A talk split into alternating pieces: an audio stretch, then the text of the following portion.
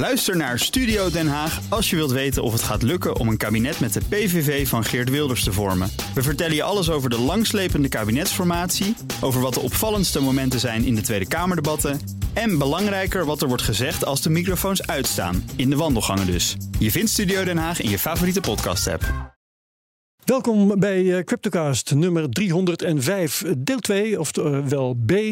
305b, het podcastgedeelte. In het eerste deel hebben we het gehad over het laatste crypto-nieuws van de afgelopen week. En dat vind je dus als 305a. Nu gaan we praten over Bitcoin-adoptie wereldwijd. En een nieuw Bitcoin magazine in Nederland. En ook nog een beetje een, een nieuw Bitcoin spel. Met Arnold Hubach. Hallo. Hoi, goedemiddag. Medeoprichter van Bitcoin Focus. Redacteur van Bitcoin Magazine in Nederland. Mijn co-host is Daniel Mol. Hoi Daniel. Dag Herbert, hallo. Redacteur bij Cryptocast en BNR Digitaal. Voor we beginnen eerst het volgende. Dit programma wordt gesponsord door Bitvavo. De grootste crypto-exchange van Nederland, waar je makkelijk en tegen lage transactiekosten meer dan 200 verschillende digitale valuta kunt kopen, verkopen en bewaren. Handel net als 1 miljoen andere gebruikers bij Bitvavo. Oké, Arnold, welkom terug, want je was hier al eerder Ja. een keer. Toen hebben we het gehad over eh, je reizen. Eh, met name hebben we het toen gehad over de Filipijnen, herinner ik me. Exact. Komt straks ook nog wel even eh, ter sprake.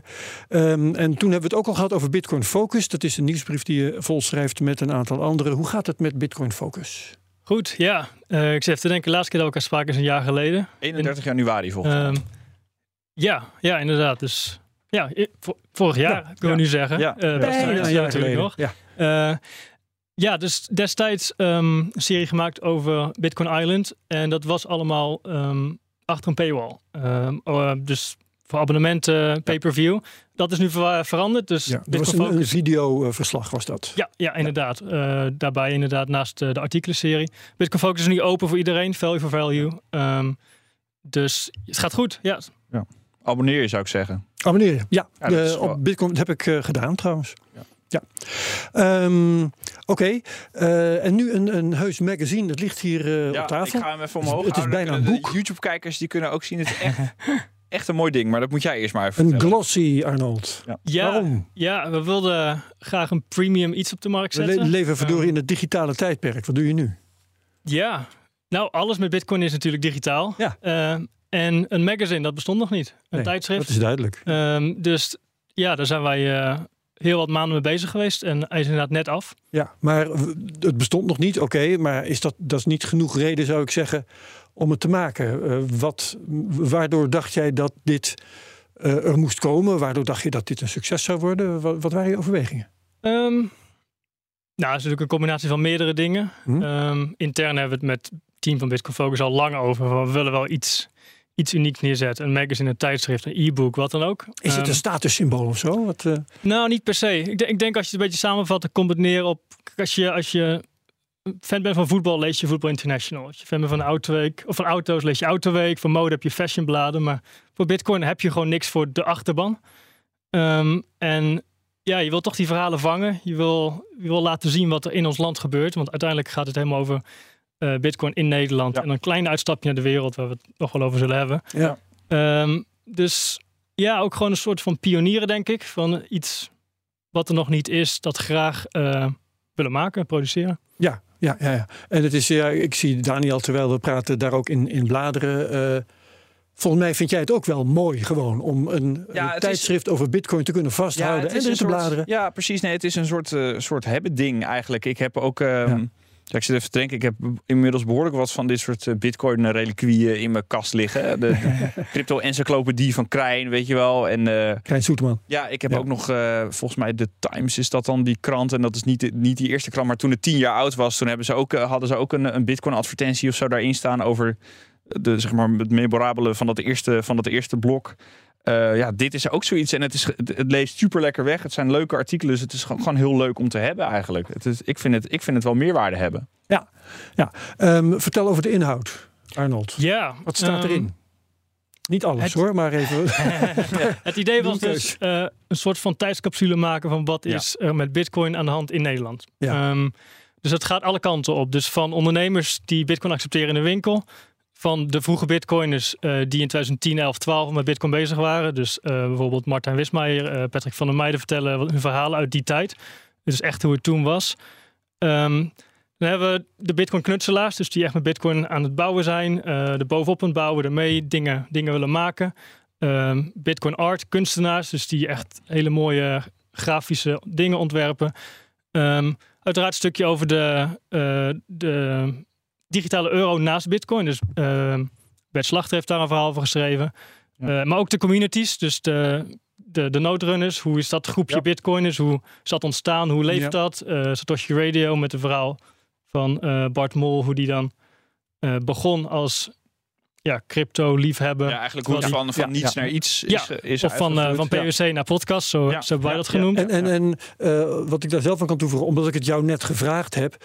Um, het is geen dump van de nieuwsbrief Bitcoin Focus. Nee, hè? absoluut niet. Het zijn nee. allemaal speciaal voor dit tijdschrift geschreven verhalen. Unieke verhalen die je alleen in het tijdschrift vindt. Ja, ja, het zijn, en, en, ja precies. En het zijn ook echt zeg maar, in, ik, ik blader er nu live doorheen, maar het zijn, ja. al, al die verhalen zijn ook wat meer tijdloos. Het is niet echt heel erg gelinkt aan de actualiteit, maar daardoor juist heel erg een soort bewaarnummer eigenlijk. Ja. Er is ook een uh, Arnold Hubach die schrijft over zijn over zijn Bitcoin reizen wereldwijd. Daar moeten we het zo echt over hebben, want dat vind ik heel erg leuk. Maar het is allemaal van dat soort artikelen, echt inderdaad tijdschriftartikelen. Ja, dus ja. het is voor jou niet alleen een uh, collectors item, want dat, dat vind je sowieso, heb ik de indruk, maar ja. het is ook leesbaar. Nou ja, ik heb het met veel plezier gelezen en het is inderdaad ja, een soort, soort ode eigenlijk aan de Nederlandse Bitcoin-gemeenschap. Met, alle, met alle kanten die, het, die dat heeft. Ja, dat is heel leuk. Ja, en het is ook een, een beetje van. Wat is Bitcoin nou eigenlijk? Je hebt altijd mensen die direct naar de prijs kijken, maar er gebeurt zoveel meer omheen. En dat proberen we dan te vangen met allerlei verschillende verhalen. Uh, ja. ja, en is dit een eenmalig iets of gaat dit pak een beet, een maandblad worden? Maandblad sowieso niet. Nee, een jaarblad? Uh, mogelijk, ja. Dus ja. Um, hij is nu net, wat is het, anderhalve week uit. Um, over twee weken de boel even evalueren. En dan kijken of het iets wordt voor elk half jaar, elk jaar. Um, ja, ik kan geen beloftes doen. Maar, nee, maar ik begrijp wel dat de eerste oplage gewoon is uitverkocht. Ja, klopt. Hoeveel waren dat er? 350. Um, okay. Vanuit de pre-sales hebben we daarmee begonnen. Maar die is dus wat ik zeg, nu in een week, ja, we hebben niks meer. Uh, dus het is nog een paar dagen wachten tot een nieuwe levering binnenkomt. En dan ja, mogen we weer. Ja, ja, ja. En ik ga de, de prijs even noemen, want die vond ik wel grappig. Dat is vast geen toeval dat het 21 euro was. Nee, uiteraard niet. Nee. Ja, dat, hoort, dat hoort bij Bitcoin. 21 miljoen Bitcoins, dames en heren. Ja, ik dacht, zal ik het straks vertellen, maar blij dat jij het even doet, Daniel. ja, nee, belangrijk. Daarmee uitgelegd. Um, ja, uh, laten we het over het buitenland gaan hebben. Want uh, daar zit jij eigenlijk vaker dan in Nederland, hè? Ja. Klopt. Waar ben je het laatst geweest? El Salvador. El Salvador. Ja. Hoe is het daar? Ja, ik zou bijna zeggen thuis. Ja? ja. Is dat echt is het zo? zo Voelt het echt zo, ja? Ja, ja. Okay. Ja, het, ja, het is nu dan de. Het was de vijfde keer sinds legal tender. Koffie drinken dus in, met Najib? Uh, nou, bijna. uh, dus dat is, ja, ik ga er vaak naar terug. Maar dat is ook vooral omdat er zoveel mensen zijn, zoveel bitcoiners, maar ook gewoon echte locals met. Ja, het voelt gewoon als, alsof je daar een permanente meet-up hebt met mensen die je kent, gelijkgestemden. Um, mooi weer, mooi ja, land. Op het vliegveld dan roepen ze meteen: Hey Arnold, leuk. Nou, bijna. Nou, nee. daar, hang, daar, hang, je dan vooral uit bij Bitcoin Beach in El Zonte, is dat dan? Nee. Oh, ja, soms even één, twee weekjes, maar ik, ja. ik hou wel echt van iets meer om me heen. Het El Zonte ja. is echt klein. Ja. Uh, twee sta stra straten en dan ben je er ook wel. precies. Dus meestal San Salvador. Ik, vind het, ik vond het interessant, want dan moeten we gelijk even een beetje de diepte in. Jij hebt laatst best wel veel getweet over, over uh, El Salvador. Eén tweet ging helemaal viral, omdat jij een beetje het echte verhaal achter de Bitcoin-adoptie in El Salvador uh, ja, viral dankzij de president. Ja, precies. Ja, nee, exact. ja. ja nee, de, dus toch, ja. Meneer Bukele, die retweet dat dat netjes. Uh, de, maar vond, vond een goed verhaal. Maar ik had ook, uh, dat was een meer recente tweet, dus, had jij een soort van, uitte jij je zorgen over dat het met die Chivo wallet, dus de, de staatswallet zeg ik tussen aanhalingstekens van, van El Salvador, dat het daar helemaal niet zo goed mee gaat. Dat, zit, dat is eigenlijk best wel wat buggy en zo. En er ja. gaat veel geld verloren. Vertel even. Ja, dus nou, dit verhaal is op zich al wel bekend sinds dag nul. Uh, Bitcoin Legal Tender 2021, die ja. wallet werd snel gelanceerd en er zaten fouten in. Um, sindsdien zijn er dingen opgelost, verbeterd. Uh, Lightning is wat meer naar de voorgrond, is niet meer helemaal weggestopt. Maar dan nog steeds, um, ook dus de afgelopen twee, tweeënhalve maand weer, er gaan dingen fout. Dus um, om gewoon een voorbeeld te geven, ik was ergens uit eten met wat bitcoiners. nou, proberen een bitcoin te betalen was eerst nee, nee, nee. Toch, uiteindelijk kwam die wallet tevoorschijn was on-chain. Ik kreeg een screenshot door van de, van de eigenaar op WhatsApp. Dus we konden alleen echt on-chain doen. Nou ja, dan maar die transactiekosten betaald. Maar die betaling kwam nooit in de wallet terecht. Maar Hmm. hij was wel verstuurd. We konden hem zien in de mempool en, enzovoort. Hij werd zelfs bevestigd eh, in de blockchain. Maar hij kwam niet in de wallet terecht. Oh jee. Dus waar is het geld? Ja, ja, ja. Ja, niet bij ons, maar het is schijnbaar ook niet in de wallet van de ontvanger. Dus maar wel op het eh, eh, opgegeven Bitcoin-adres, zou je precies. toch zeggen? Ja, dus hij stond ergens ehm, in eigendom, eigendom van Chivo, ehm, maar niet bij die beste winkeleigenaar. Nou, dan betaal je ook maar even met creditcard, betaal je twee keer. Uiteindelijk goed gesprek gehad, een paar dagen later teruggegaan, geld teruggegeven, gekregen. Maar dit is niet de introductie die je natuurlijk wil. En, je, Nee. en geld dat kan natuurlijk niet zomaar verdwijnen. Nou, dat is mijn ene voorbeeld. Veel verhalen gehoord van mensen die dan vanuit Chivo naar een andere Lightning Wallet hun geld willen sturen. Eh, want het is het makkelijkste manier om te kopen. Maar dan sturen ze het naar een eigen wallet om het dan te bewaren. Maar dat wordt gewoon geweigerd. Ehm, en dan zeg ik gewoon, dat is natuurlijk niet elke betaling, maar wel regelmatig gehoord van security reasons betaling geblokkeerd. Maar eh, je hebt daar dus alarm over geslagen? Ja. Wordt er ook naar geluisterd? Nee, nee, het is ook meer van. Ik heb best wel wat tweets waarin ik aangeef dat, dat er echt wat gebeurt in El Salvador. Ja. Maar dan moet je ook die keerzijde brengen. Ja. Eh, en ja, dat was. Maar hoe, de- laten we nou even de balans eh, kort opmaken. Jij bent in El Salvador. Jouw tweets, die tweets die ook door de president, nou, die worden natuurlijk voor- een reden door de president. je bent onderdeel van propaganda. Dat Precies, ja, ook wel van exact, bewust. ja. En jij moet ook nu excuses aanbieden voor alle inbreuken op de rechterlijke macht en zo die gemaakt Geintje natuurlijk. Ehm, eh, als je de afdronk maakt, is het zeg maar de- hoe hyper bitcoinized, ja, hoe, hoe is, is bitcoin, breekt bitcoin daar nou door of valt het mee en is het gewoon in, in de, in de looten een betaalmiddel daar en valt het verder mee?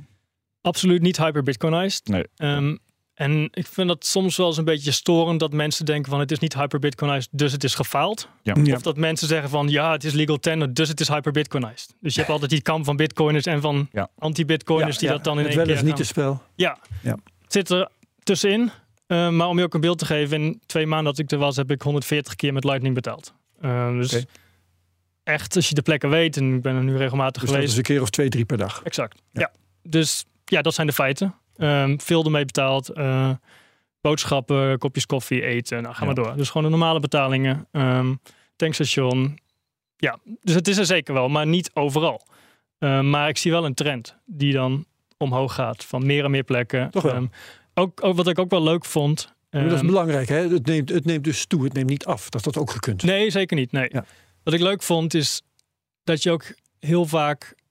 Ik, vraag overal: kan ik met Bitcoin betalen in Spaans? Ehm, ook als je geen sticker Hoe- hoe ziet. klinkt of, dat eh, eventjes? Puedo pagar con Bitcoin. Prima, dank u wel. Ook als je geen sticker ziet of geen logo, maar dat is in Nederland ga je op zoek op de deur van accepteren ze Bitcoin. Maar het is daar in sommige gevallen zo normaal dat ze het niet echt, ja, hoe noem je dat, adverteren. Ze Ja. dragen het niet uit. Ja. Dus dan word je ook wel eens verrast van, oh ja, natuurlijk, dan komt de Chivo weer tevoorschijn en dan accepteren ze het. Eh, dus ook maar, ja, je moet er ook echt gewoon naar vragen. Anders dan gaan ze ervan uit Ja. dat het creditcard of, of cash is. Ja, Eh, ja, ja. Dus ja, het zijn wel leuke verrassingen dan. Ja, dus voetje voor voetje gaat het Ja. vooruit. Dus sp- spreek je ook mensen die doen aan die eh, remittances? Dus die eh, het van buiten En dat het was op het begin een beetje het verhaal. Hè? Ja. Dat je Ja. van heel makkelijk kan je geld naar het buitenland versturen. Vooral met, in El Salvador is dat vooral de VS volgens mij. Waar Ja. Geld heen en weer gaat. Vooral vanuit de VS naar El Salvador. Dat valt dus mee tegen. Dat, tegen. ja, inderdaad, die, die verhalen hoor ik niet. Eh, en ja, je spreekt ook wel Salvadoranen. eh, ook wel in de Bitcoin scene. Maar dat is niet echt dat dat nou het, het gangbare verhaal is daar. Nee. Nee, nee, nee, oké. Het Ehm, is eerder eh, andersom trouwens, dat, dat je heel veel Salvadoranen spreekt die weer terugkomen naar El Salvador. Oh, Eh, omdat het land gewoon veranderd, veiliger is, eh er weer Ah. een soort van hoop is. eh, van dit is een plek waar ik nu weer wil zijn. Eh, Ja. Op vliegveld, in, in de stad. Ja. ja, ja oké, dat, is- dat zijn prettige ontwikkelingen. Maar dat is niet per se aan bitcoin te wijten. Dat Nee. is waarschijnlijk Nee. gewoon aan, aan beleid van uh, Bukele te wijden. En dan denk ik vooral zijn harde no-nonsense eh, criminaliteitsbeleid. Ja. Heb ik het idee. Zeker weten. Oké, goed. ehm, dan hadden we het een jaar geleden dus over dat Bitcoin Island. Eh, een eiland eh, onderdeel van de Filipijnen. Hoe gaat het daar?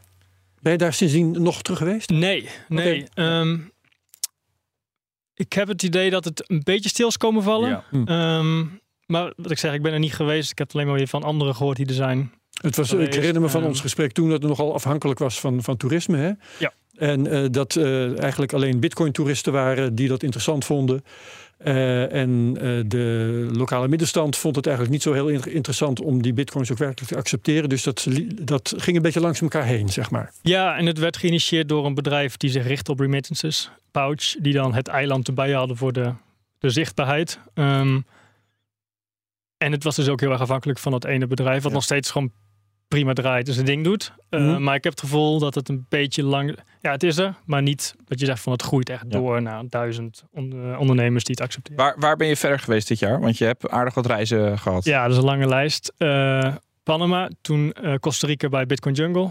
Ja. Eh, en ook de Noste Kom- conferentie die komen daar we was. op. Komen Ja. op. Eh, toen Guatemala bij Bitcoin Lake. Eh, El Salvador daarna. Toen Amerika, Canada, IJsland, Kenia. Ook veel leuke Bitcoin dingen gezien. Ehm, Japan voor de Noste conferentie. Ja. En toen weer El Salvador. En toen was het uh, Oye Kerst. Heel Midden-Amerika. Ja, Valt mij op. Hoe komt dat? Ehm, nou, het is natuurlijk ook veel kleine landjes. Dan heb je er gelijk veel tegelijkertijd.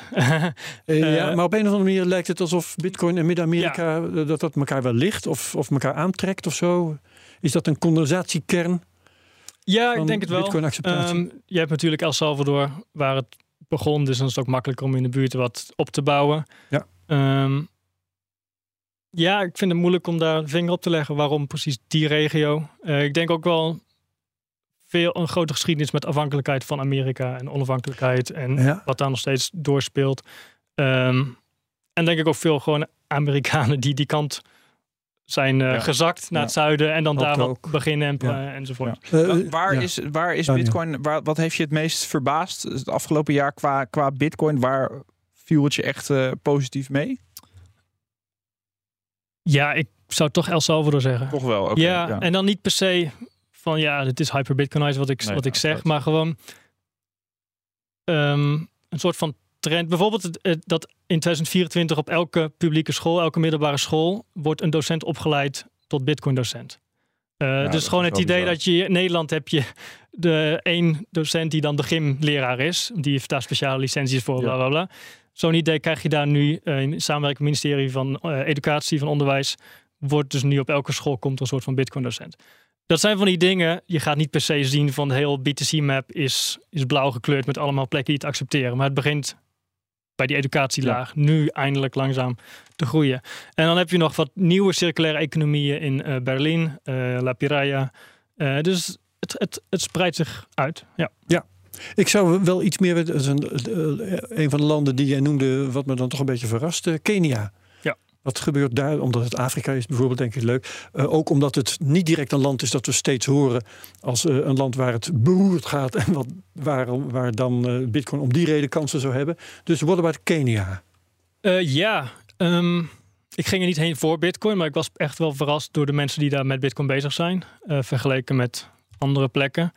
Ehm, ze hebben in Kenia de shilling en die is in twee jaar 40% kwijt. Oké, Eh, dus mensen- toch. Dus er gebeurt zeker wel wat. Ehm, het, het- volgens mij is het typisch weer zo'n land. We hebben wel eens een rapport van Chainalysis behandeld waar ze het hadden over lower middle income countries. En Kenia is volgens mij precies zo'n land dat zeg maar, het is niet straatarm en het is niet, er is niet een of andere burgeroorlog volgens mij. Nee. Eh, en ze vechten elkaar niet daar de tent uit. Er is een middenklasse.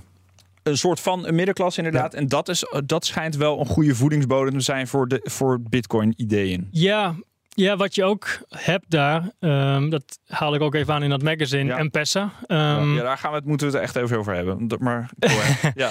Eh, waar ik dus achter kwam, is dat M-Pesa echt iedereen gebruikt M-Pesa. Een soort van telefonische manier om via sms'jes geld te versturen. Dus een beetje zoals mensen in Afrika de, de landlijnen voor bellen hebben overgeslagen, hebben ze ook banken overgeslagen. Ze gaan direct naar fintech of dat soort Ja, apps. ook in de Ehm, Filipijnen herinner ik me, daar was een alternatief betalingssysteem dat gebaseerd op sms, volgens mij. Eh, dat weet ik niet meer of het sms was, maar wel alternatief. Ja. Maar wat je dus in Kenia hebt, is dat is zo'n monopolie, want het draait met Vodafone en Safaricom, dat de overheid nu automatisch belastingen gaat innen via die app. Dus voor elke transactie wordt er gewoon belasting geïnd.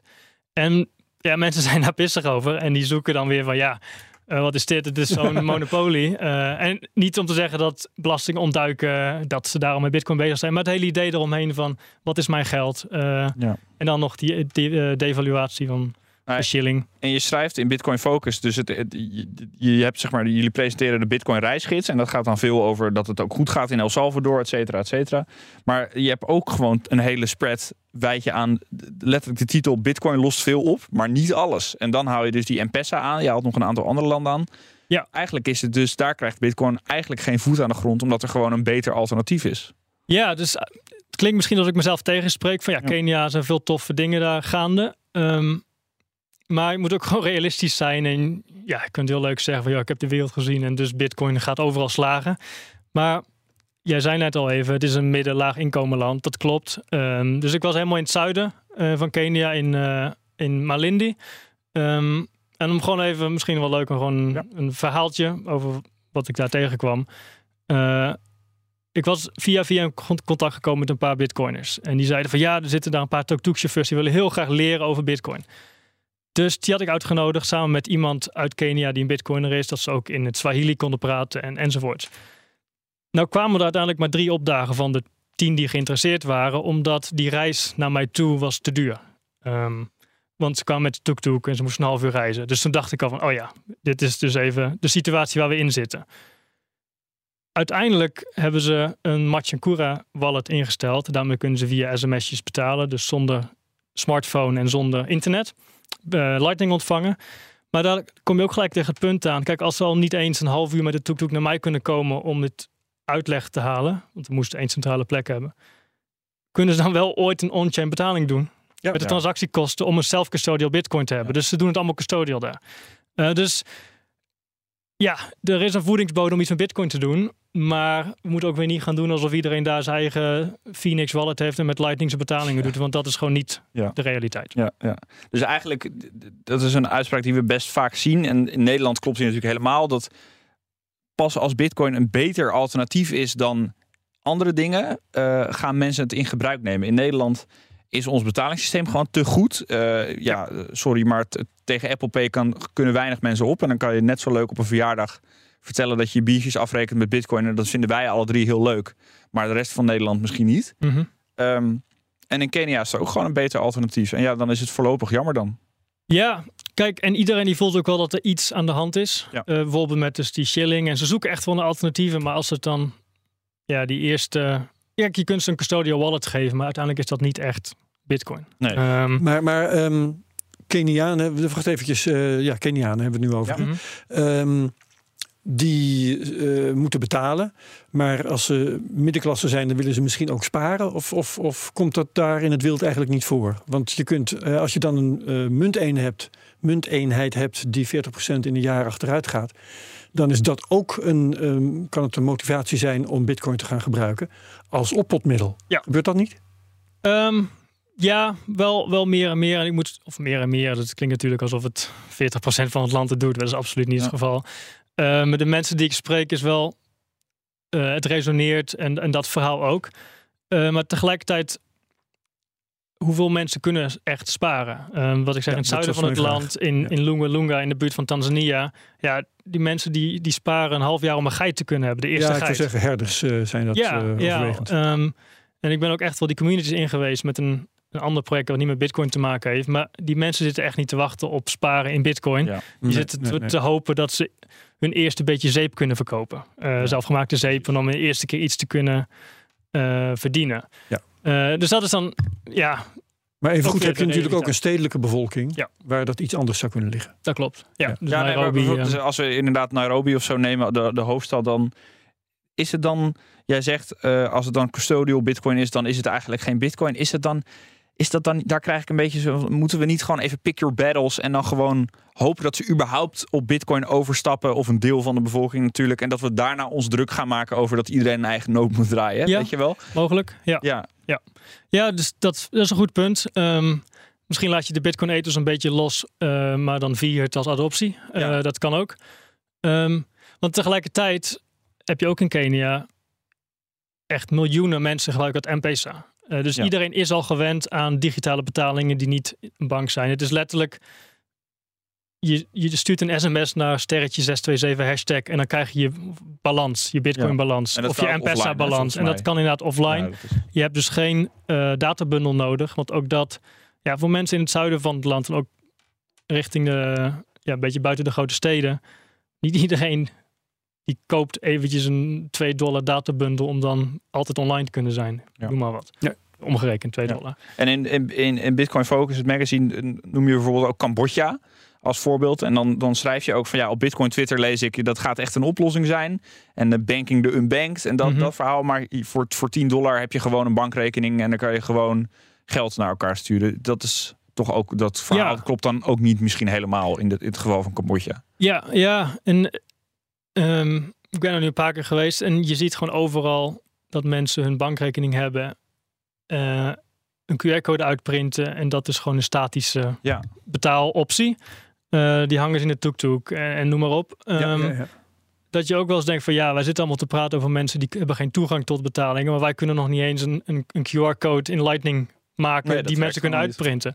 Eh, dus ook weer, ja, waarom zouden mensen dan wel naar Bitcoin stappen? Ze hebben daar de Amerikaanse dollar ehm, die gekoppeld is aan hun lokale munt, dus die is vrij stabiel. Eh, en dan heb je het over een land wat echt laag staat op de, op de ranglijst met eh, nominaal, bruto, Ja, eh, ja. BBP. 151ste Ja, staat er in Bitcoin dankjewel. Of Bitcoin Focus, excuus. Ja, ja. Oké. Ehm, zullen we daarmee eh, de Nou, bitcoin de- elders ter wereld afronden? Nee, je wou Ja, nog nou, wat? de laatste. Ik ben benieuwd. Ja. Jij reist de hele wereld over. Jij bent echt eh, ideologisch. Ben jij heel erg pro-Bitcoin. Je bent zo gek dat je er een fysiek magazine over maakt. Wie doet het nou nog? Eh, maar met, met een team. Maar, ja, ja. klopt helemaal. Klopt helemaal. Eh, maar eh, maakt dit je nou minder enthousiast over Bitcoin? Ik bedoel, de volgende vier pagina's gaan over hoe goed het allemaal is en dat het ook in El Salvador bijvoorbeeld hartstikke goed gaat.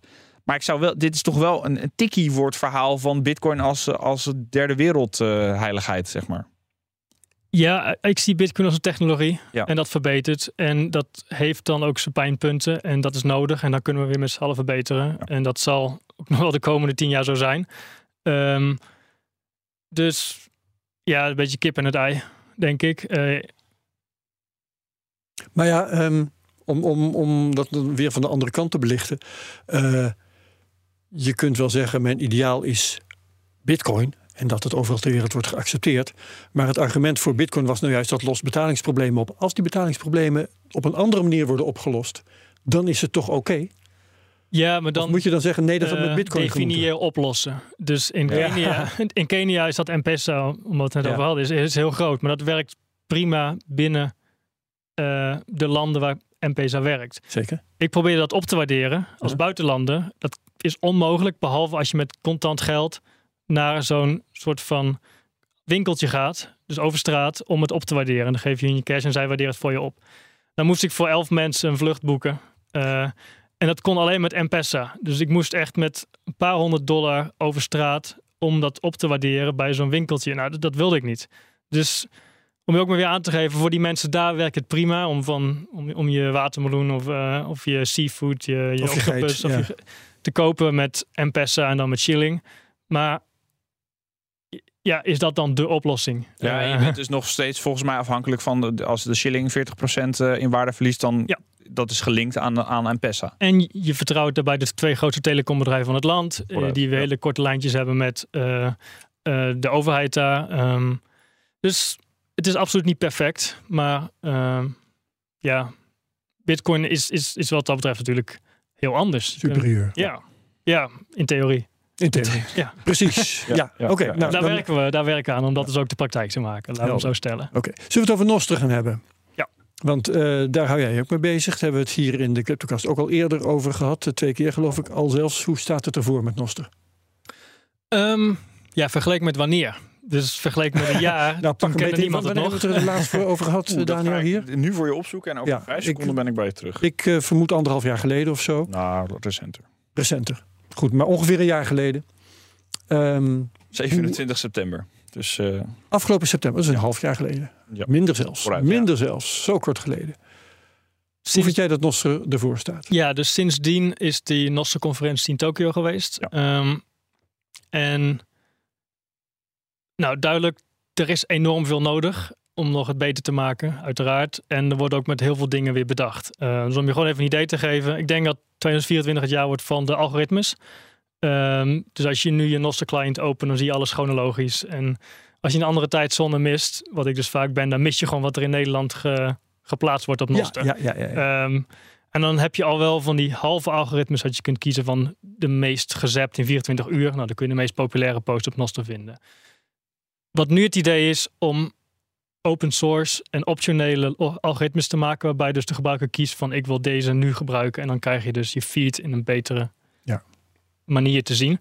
Dat is één ding. Ik denk dat het verstandig is trouwens, als ik even zeg voor de luisteraars die, eh, die vorige afleveringen niet hebben gehoord, dat Noster een, ehm, een eh, sociaal netwerk is. Hè, Een, een Twitter-variant Ja, gebaseerd nou, op crypto. Centraal internetprotocol. Precies. volgens mij, hè? Ja, je kunt want- er meer, veel meer mee dan alleen maar eh twitteren. Heel veel meer. Want dat, Ja, was, dat zou mijn tweede punt zijn. Wat gebeurt er nu? Ik heb het idee dat het een beetje door begint te dringen dat we, hoe dat werd genoemd op de conferentie, is compounding network effects.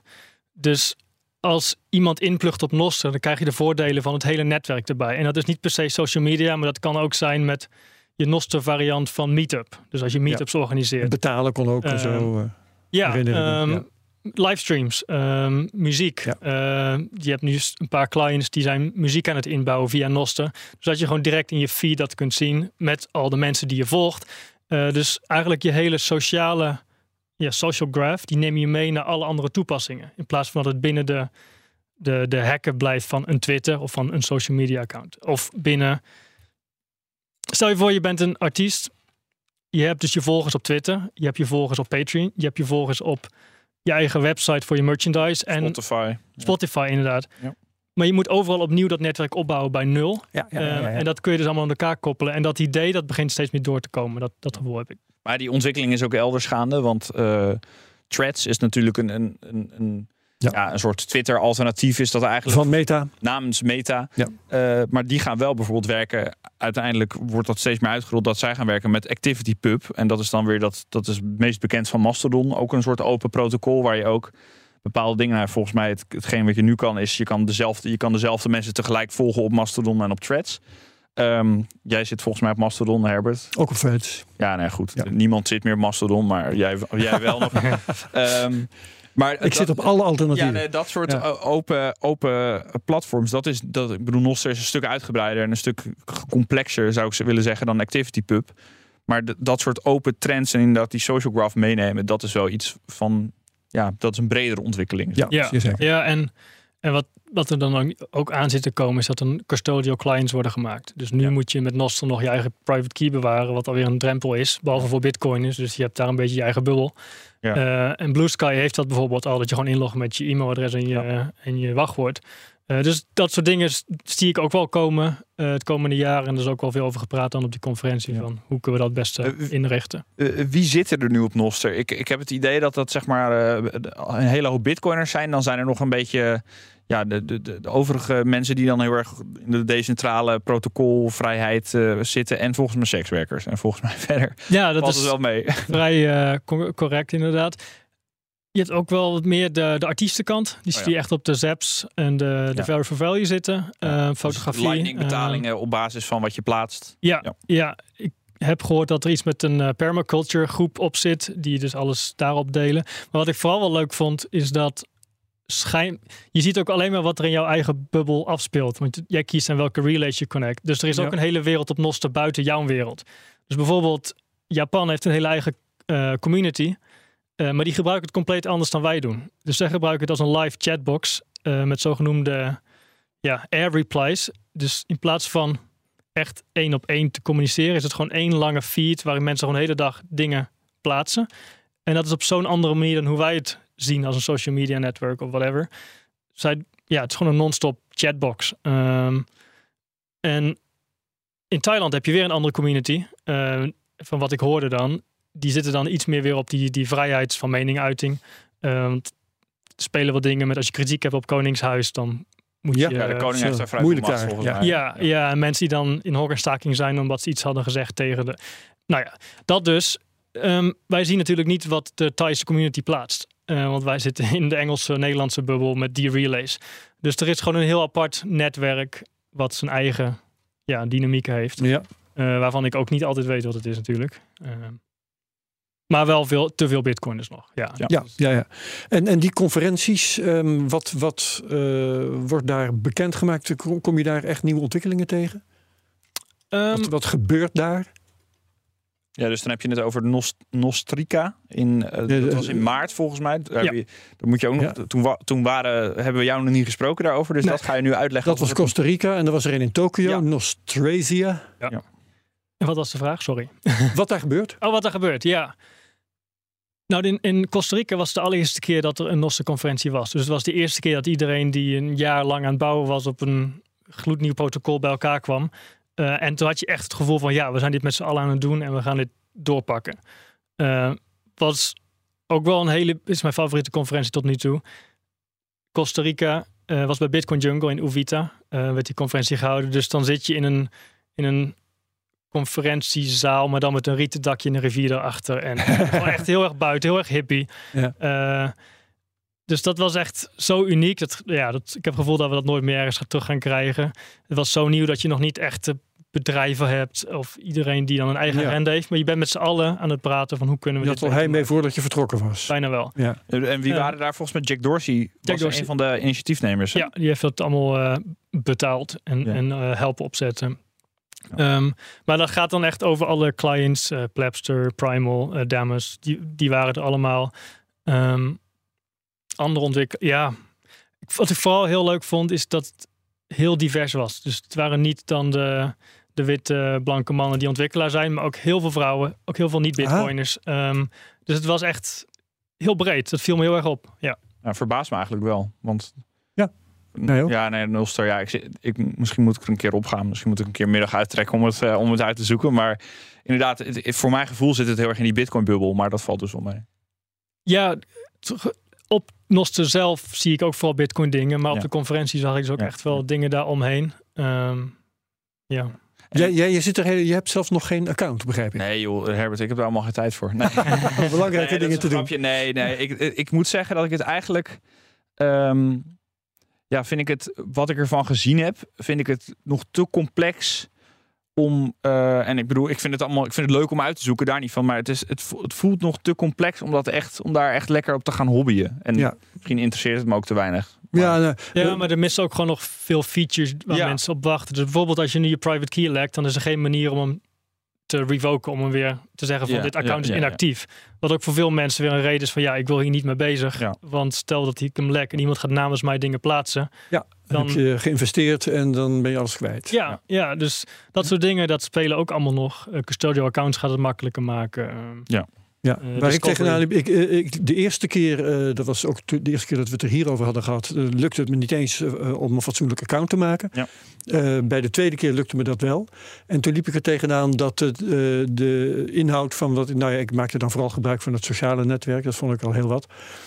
Maar ehm, dat dat heel erg op crypto gericht was en heel erg nerdy. En vooral mensen die bezig waren met dat te, te developen allemaal. En ja, dat sprak mij niet aan. Dus toen was, liep ik tegen de inhoud aan die, eh, waar ik niks mee kon. Ja, dat is ook een van die punten, eh, content discovery. Van stel, iemand komt voor de eerste keer op Nosten. Wat Ja. ziet hij en hoe komt hij op de plek waar hij wil zijn? Ja. Op een decentrale manier. Want je kunt dus niet zeggen van ja, volg deze vijf, want dat is voor iedereen anders. Nee, we gaan even. Eh, en de meest ja, actieve mensen die Noster hebben gebouwd, dat zijn natuurlijk ook weer de bitcoiners. precies. Dus dat zijn echt wel van die ontwikkelingen. Daar, elke client gaat er op zijn eigen manier mee om. Eh, of het nou hashtags is of eh, noem maar wat.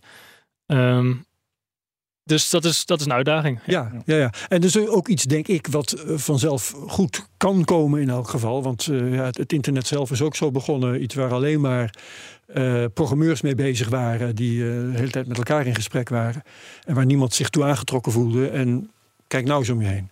Dus dat, Ja. eh, de- het is een probleem waar je je niet heel erg mee hoeft bezig te houden.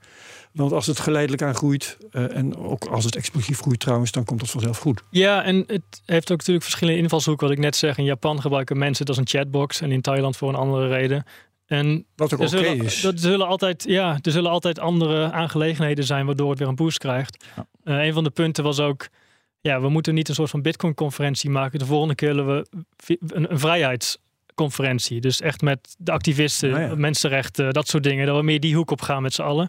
Eh, om het ook gewoon breder, ja, niet in de markt zetten, maar gewoon breder bekend te laten maken. Dus Ja. er wordt, eh, wordt zeker over Maar ik vind het wel een pittig, pittig idee, zeg maar. Dat je, je zegt, ja, dat, dat netwerkeffect komt vanzelf al. Maar bedoel, het internet hebben we natuurlijk al en dat kunnen we gebruiken. Voorheen was Ja, dat er daar nog moet je niet. tegenop. Ja. Precies. En kijk, met Bitcoin heb je ook, nou, dat gaat, dat gaat goed en steeds beter. En we hebben het in deel A over die ETF's gehad. Nou ja, je mag vinden wat je ervan van vindt, maar het is wel een stap in volwassenheid.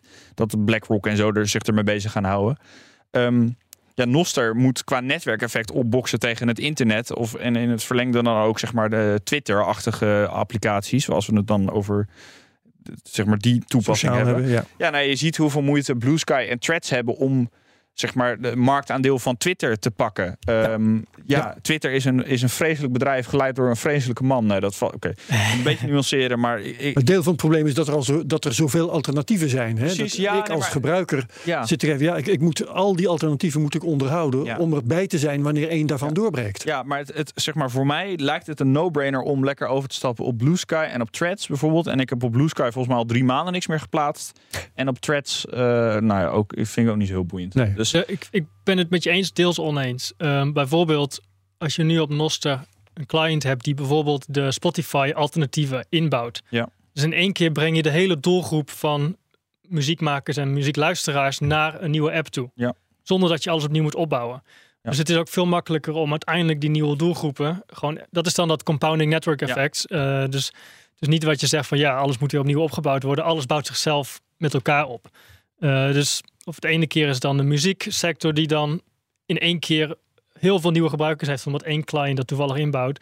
Dan livestreaming en dan dit en dan Ja. weer dat. Maar alle kip-ei eh, kwesties die eh, de rest van de wereld al heeft gehad op internet, die krijg je dan opnieuw. Want dan heb je niet alleen eh, hoe bouwt iemand zijn netwerk op binnen Noster dan bijvoorbeeld, maar ook hoe zorg je voor een muziekdienst die voldoende aanbod heeft. Dat is bij Spotify nu opgelost. Maar je gaat mij vast niet vertellen dat eh, op Noster al een eh, muziekdienst is die het aanbod heeft eh, van Spotify. Absoluut niet het aanbod. Nee. Nee. Nee, maar dan kom je op het punt van hoeveel procent pakt Spotify en Apple Music, vooral van de kleine artiesten, die dan daar weer op zoek gaan van ja, als ik het ergens anders bij kan zetten en ik ontvang zaps, zaps, de lightning betalingen. Ehm, het is ook weer, je moet een beter alternatief, alternatief bieden. Eh dit werkt met Lightning, werkt met Noster en dan mensen Ja. zullen het vinden of niet. Ja, ja. spannend. En interessant. Ja. De, we hadden het net over, over de conferentie in Costa Rica. Er is ook in november, begin november, was er een conferentie in Tokio. In, eh, volgens mij in Shibuya. Dus zeg maar de, beetje de wijk die iedereen, als je aan Tokio denkt, denk je aan die wijk. Met, die- met die, met De die, zebrapaden. Met die zebrapaden, precies. De drukste zebrapad ter wereld of zo. Ja. Ehm, hoe was de, de- zeg maar, hoeveel verschil zat er tussen de, de, conferentie in Costa Rica en in Tokio? Merk je ontwikkeling en is het meer, zeg maar, groter? Is het, zijn er meer mensen, meer ontwikkelaars, et cetera?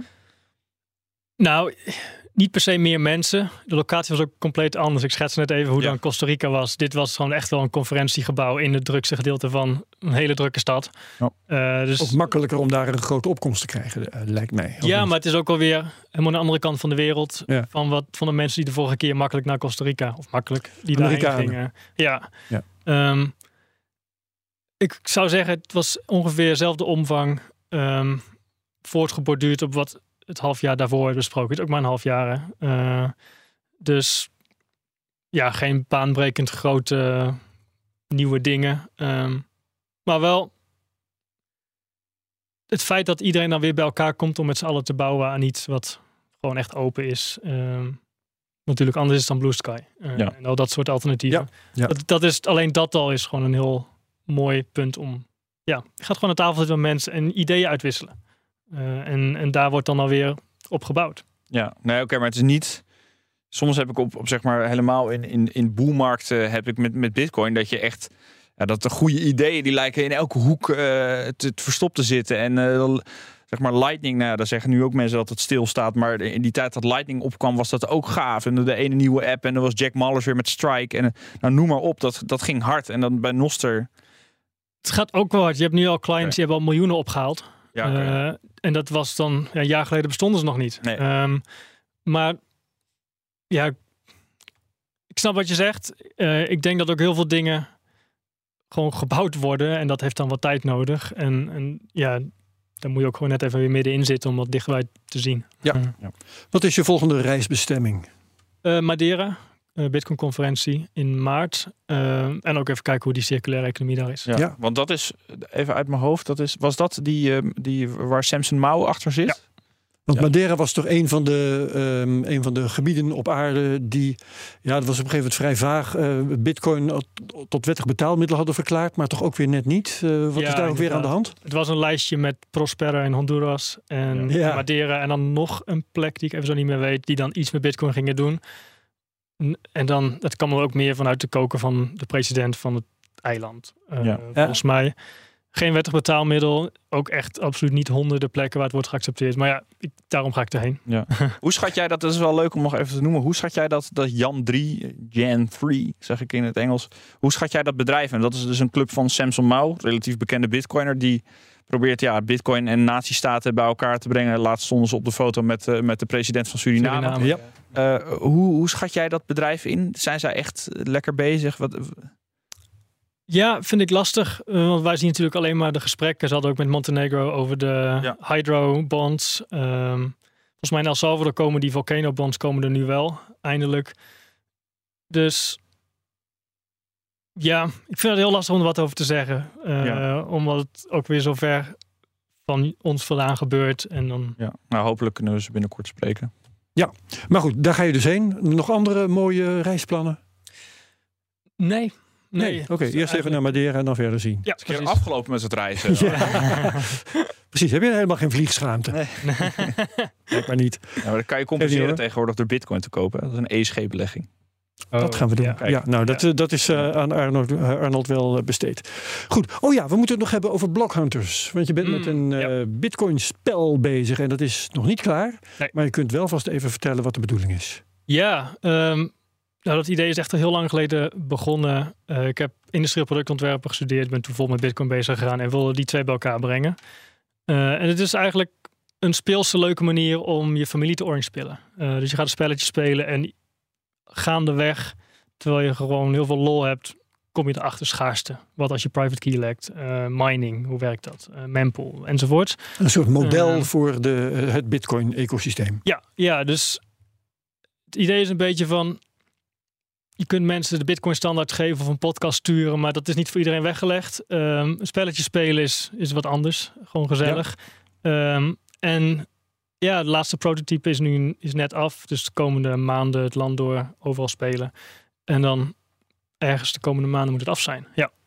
Hoe kom je er, we we moeten het hier niet te lang over hebben, want eigenlijk wil ik hier nog gewoon een keer, eh, nou misschien moeten we dit live in de podcast gewoon even... Ik, ik wil dan gewoon een podcast maken al spelend met, ja, eh, met nou, dat Arnold. is best wel een goede misschien. Ja. Eh, maar hoe kom je er in godsnaam bij, de, de- zeg maar een bordspel, dat is toch... Weer zoiets analoogs. Ja, ik Zoiets vind, het ouderwets. wel, ik vind het ambitieus. eh, ja, het is er ook volgens mij nog niet, hè? Nee, Nee. nou dat is het denk ik ook. Ja. Ik doe graag iets wat nog niet, Nee, nog niet ja. bestaat. Mooi. Ja. Eh, wa- waarom? Ja, ik hou van Bitcoin educatie. Ja. Eh, en dit is natuurlijk ook weer onderdeel van, Ja. van een educatie. Iets als productontwerper heb ik veel dingen gemaakt tijdens mijn studie Noord wat mee gedaan. En dan alles komt bij elkaar en het, ja, in de loop der jaren dan bouw je dat spel verder en verder. En nu is het echt op zo'n punt dat je denkt van ja, dit moet er gewoon, dit moet gewoon af. En het is best wel pittig een bordspel ontwerpen, hè? want het, het- Het lastige is, je hebt heel veel iteraties, dus telkens dan pas je weer iets aan het spel aan, spelregels. En dan moet je Ja. het ook weer 10, 20 keer spelen om te zien wat voor impact het heeft. ja. Ja, ja. Eh, en, en dingen dat is- opnieuw maken, neem ik aan. Hè? Want als je het speelbord verandert, dan moet je een nieuw speelbord ja, maken. Ja, en dan denk je van, oh, dit is een goede afmeting. En dan praat je met de fabrikant en die heeft dan weer net weer een ander iets. En dan heb je een bord, ja, je wilt zo klein mogelijk hebben, want je- uiteindelijk is het een, een spel zonder taal. Eh, dus Ja. je kunt het de hele wereld spelen. En natuurlijk, het is wat anders Slim. dan een boek. Eh, maar ja, dan moet je het weer gaan shippen en, en, en, en verzenden. En nou ja, er komt veel meer bij kijken. Maar ehm, Ja, nee, dat het is, spel zelf staat nu. Ja. Ja. ja. Ja, maar dat is nogal wat. Want als je, bedoel, ik speel ook vrij vaak bordspellen. En dan zeg maar, je hebt een aantal echt klassiekers die dan iedereen speelt. En dan ook in de, dan heb ik niet over Monopoly, maar echt, zeg maar, echt leuke bordspellen. Ehm, eh, nee, maar dat is wel. En Fiat bordspellen. Ja, nee, ja, fair enough. Ja, exact. Ehm, nee, maar dan, de- soms heb je wel in zo'n bordspel, dan zit er één regeltje in. En dat, dan is misschien zelfs de, de gemeenschap om zo'n spel heen, die heeft dan besloten, ja, laat dit, deze regel maar zitten, want het is niet leuk. Het is best wel, het is echt ingewikkeld om een goed ja. bordspel te maken. Het leuke is dat je wel dicht bij Bitcoin blijft met blockhunters. Ja. Eh, dus ik zie ook heel veel dingen gebeuren die ik dacht van, hé, hey, zo heb ik als Bitcoin er nooit naar gekeken. Dus mining noemde mijn zusje grabbelen. Ja, Oh. ja klopt eigenlijk wel. Ja, dat is, Nummertjes grabbelen. Ja, Ja. denk ik van, ja, zo kunnen we ook mining uitleggen. Ja. Eh, toen ik het in Canada speelde met mensen, die zeiden, ik, I am a node, I am noding. Dus die Ja. maakt een werkwoord van het verifiëren van alles wat er gebeurt. Leuk. Ik denk van, hé, hey, dat soort dingen heb ik nog nooit, nog nooit echt voorbij zien komen in onze Bitcoin-wereld. Eh, en door gewoon een spel te spelen, kunnen mensen hun eigen vocabulaire op een concept plakken, wat eigenlijk heel complex is. Eh, Ja, geestig. Ehm, heb ik goed onthouden dat je op zoek bent naar eh, funding? Ja, ja, dat is het punt. Als je een bordspel wil maken, dan moet je er gelijk veel maken voordat het een beetje haalbaar is. Ja. Dus we hebben nu een eh, pre-sale lopen, eh, pre-order. Ehm, ja, en dan staat in de show notes. Nou, Staat in de show kijk notes. aan. Oké, ja, dus eh, op Geyser met, met Bitcoin, we hebben ook een website. Dan kun je met fiat, met euro, creditcard eh, je pre-order plaatsen. Eh, en dan krijg je de eerste kopie toegestuurd met nog wat extra voordelen. Oké, goed. Dus daar kun je vinden door eh, op bnr.nl de show notes van de Cryptocast op te zoeken of eh, te, te googlen op Arnold Hubach, ehm Block Hunters. Exact. Ik zag trouwens dat er ook een, er is een spel Block Hunters, dat niet van jou is, blockhunters.io was het geloof ik. Dus de naam is eh, ook ergens anders Niet, van volgens mij is dat geen spel. Het is meer een soort van analyse. Oké, platform. nou, oké. Dus het heeft, Whatever, eh, de naam bestaat, dus eh, misverstand is mogelijk, maar eh, vandaar de combinatie met Arnold Hubach. Blockendersgame.com. Dan kan het. Oké, Kijk. prima. Ik dank je wel. Jullie ook bedankt. Arnold Hubach van eh, Bitcoin Magazine, Bitcoin Focus, Blockhunters, van alles en nog Ja. wat. Dankjewel Daniel. Wat doet hij niet, Arnold? Wat doet hij Mooi. eigenlijk niet? Ja, Nou, we zien je volgend jaar, volgend jaar weer. En als we het uh, Blockhunters gaan spelen, dat Ja. lijkt me leuk. prima. Goed plan. Tot zover deze Cryptocast. Bedankt dus iedereen. Eh, bedankt ook luisteraars. Vergeet hem niet te delen met je volgers op Twitter. CryptocastNL zet je er dan bij. Eh, op Apple, Apple Podcasts eh, moet je reviews achterlaten. Dat is goed voor ons. Like, subscribe en comment op YouTube. En verder dankjewel. En graag tot volgende week bij de Cryptocast.